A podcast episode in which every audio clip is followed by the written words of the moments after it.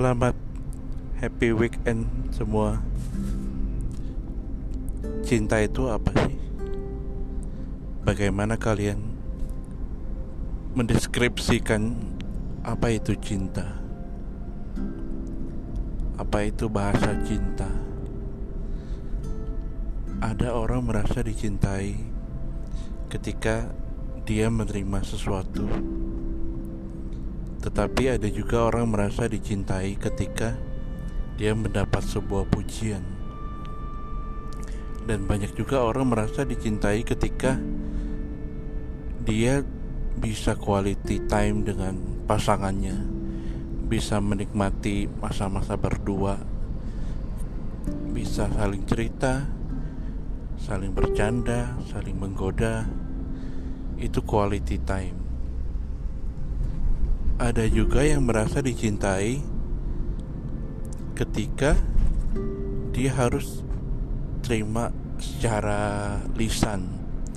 Misalnya dia harus dibilang I love you atau aku sayang kamu.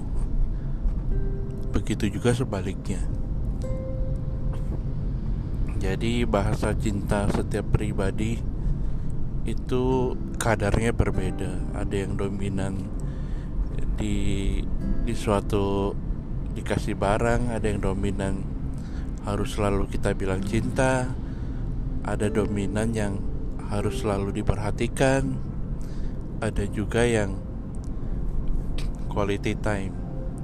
Jadi uh, sebuah hubungan itu memang harus saling mengenal. Pasangan kita ini bahasa cintanya itu apa ya kan biar kalian nggak salah langkah. Misalnya bahasa cintanya itu pujian. Mungkin karena kalian udah hubungan lama jadi kayak kata-kata sanjungan atau kata-kata pujian itu kadang terabaikan. Nah sebuah hubungan itu bisa menjadi hampa kalau tidak bisa saling mengerti bahasa masing-masing. Ya kan?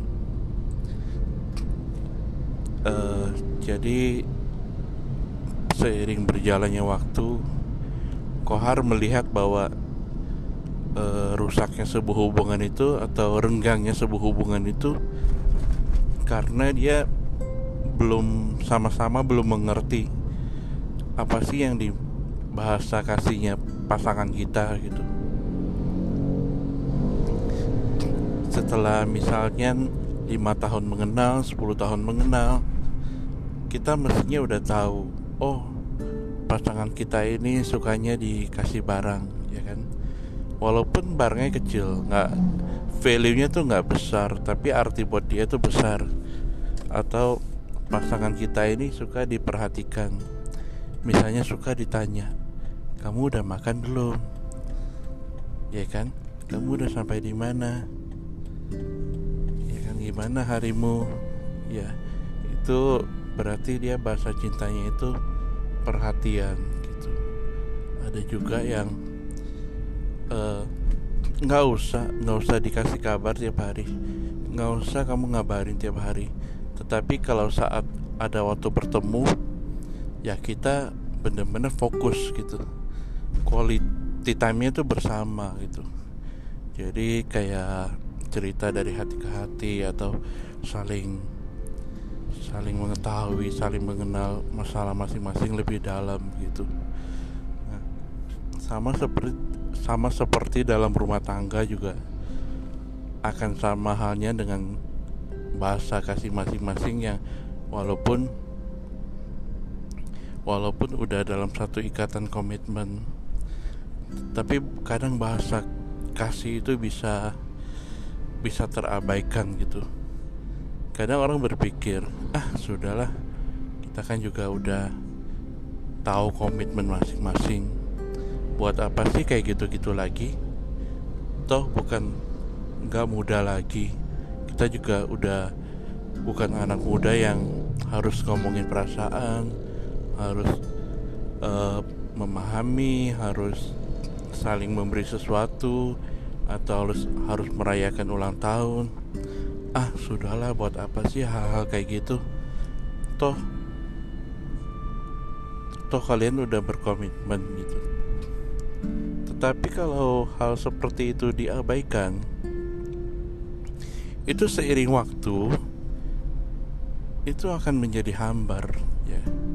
Sebuah hubungan yang hambar itu kalau dijalanin itu bakal seperti kamu sekolah tapi kamu nggak belajar udah gitu kamu bingung. Pada saat ujian kamu nggak tahu harus ngapain.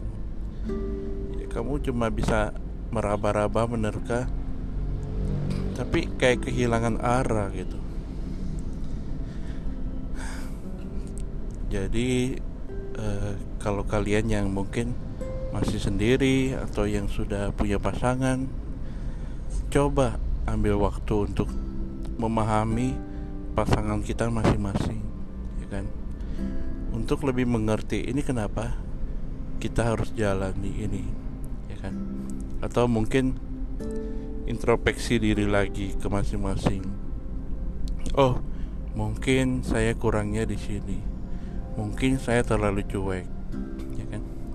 Oh mungkin saya kurang memberi sesuatu gitu. Atau atau mungkin apa yang kita sudah perbuat masih kurang di mata dia. Hal-hal seperti itu mestinya bisa dibicarakan dan bisa dirundingkan bersama. Sama sepertinya kalau ada satu film judulnya Toko Barang Mantan.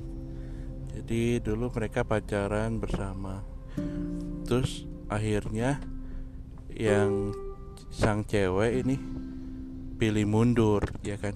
Karena cowok ini cowok ini tuh suka sama cewek itu tapi dia nggak pernah bilang aku sayang kamu. Dia nggak pernah bilang aku tuh cinta banget. Dia mungkin juga nggak bisa bilang seperti itu karena memang karakter cowoknya itu memang yang cuek selengahan tapi yang penting kan lu tahu maksudnya yang penting kan lu tahu gue tuh sayang sama lu jadi buat apa gue harus ngomong sayang atau harus dinyatakan? Ya kan? Apalah artinya sebuah pernyataan? Yang penting kan sikapnya. Jadi cowok ini udah kasih perhatian udah kayak ceweknya itu udah kayak queen banget gitu. Semuanya buat dia gitu. Sampai akhirnya mereka akhirnya cewek itu pilih pergi kan. Pergi terus nggak uh, lama kemudian cewek itu kembali lagi tapi udah bertunangan sama orang lain. Sedangkan yang cowoknya itu masih setia dan buka toko. Tokonya itu menjual barang-barang mantan. Dan tujuan dia buka toko ini supaya dia bisa move on sebenarnya. Bertahun-tahun dia belum bisa move on juga dari pacar yang ceweknya sampai ceweknya itu datang dan kasih undangan pernikahan ya kan? Ya pasti hatinya hancur berkeping-keping. Nah yang cowok tadi itu bingung kenapa lo harus datang di saat gue udah pengen move on gitu? Kenapa lo harus kayak datang memberi harapan lagi gitu? Nah yang cewek itu kan juga sebenarnya dari dalam hatinya itu masih masih ada rasa masih suka sama mantannya. Ya kan? Tapi dia juga udah bertunangan. Terus akhirnya meledaklah dalam sebuah percakapan. Ceweknya bilang eh cowoknya bilang kan kamu yang milih pergi. Ya aku nggak pernah memutuskan hubungan ini. Kan kamu yang pergi nggak ada kabar. Terus ceweknya bilang iya aku milih pergi. Karena kamu tuh nggak jelas. Nggak ada masa depan. Kamu tuh nggak pernah bilang suka sama aku. Kamu nggak pernah sekalipun bilang aku sayang kamu atau aku cinta kamu. Nggak pernah. Gimana aku bisa tahu kalau kamu tuh bener-bener sayang atau enggak terus kata cowoknya emang perlu? Hah? Emang pembuktian selama ini aku kasih perhatian aku bareng sama kamu tiap hari aku buka toko ini untuk mengenal kita emang semuanya bukan pertanda cinta. Di mana kamu hati hati kamu tuh taruh di mana? Emang emang cinta itu harus diungkapkan kata kata yang cowok. Kata cewek itu ya udahlah ya udah kalau nggak bisa bilang sekali aja udah nggak bisa udah. Akhirnya ceweknya itu pergi. Dan ya udah cowoknya itu kayak shock atau merenung gitu. Akhirnya dia sadar dia salah terus dia kejar kan. Dia kejar uh, cewek itu ke mana-mana. Ke kantornya nggak ada. Terus ke rumahnya. Pasti rumahnya dia lihat cewek itu udah sama tunangannya lagi makan. Lagi happy happy berdua lagi makan. Sambil ketawa ketawa dari situ dia sadar bahwa dia bukan yang terbaik. Karena mantan ceweknya ini udah mendapatkan pengganti yang baru. Dan dia akan bahagia dengan pasangannya yang bisa lebih open dan bisa lebih ekspresif untuk mengungkapkan perasaannya. Ya kan? Akhirnya yang cowok ini pilih mundur udahlah dia pulang aja begitu saat dia udah mau menyerah ya kan jadi selama bertahun-tahun dia menyimpan sebuah cincin tunangan. Dia menunggu waktu yang tepat untuk melamar ini cewek, ya kan. Akhirnya karena dia pengen move on, cincinnya itu dijual. Dijual ke toko yang dia punya itu. Itu toko kan jual barang-barang mantan. Nah, cincin itu satu hari dibeli sama satu cewek, kan. Terus dipakai. Ternyata cewek yang beli itu adalah mantannya. Jadi mantannya sebenarnya juga udah tahu kalau dia menyiapkan sebuah cincin gitu. Udah lama. Akhirnya ya udahlah mereka ketemu lagi. Terus akhirnya saling lebih jujur lebih saling memahami saling terbuka.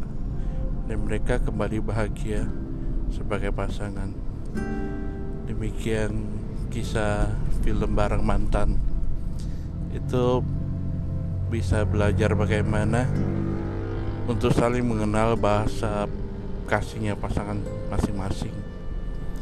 Demikian cerita malam ini. Kohar masih on the way pulang menuju rumah setelah makan tadi di BSD. Enak makanannya. Hot plate hot plate di atas nasi yang panas. Ditambah sambal manta yang menggiurkan. Kebayangkan enaknya sambal mata itu. Wah.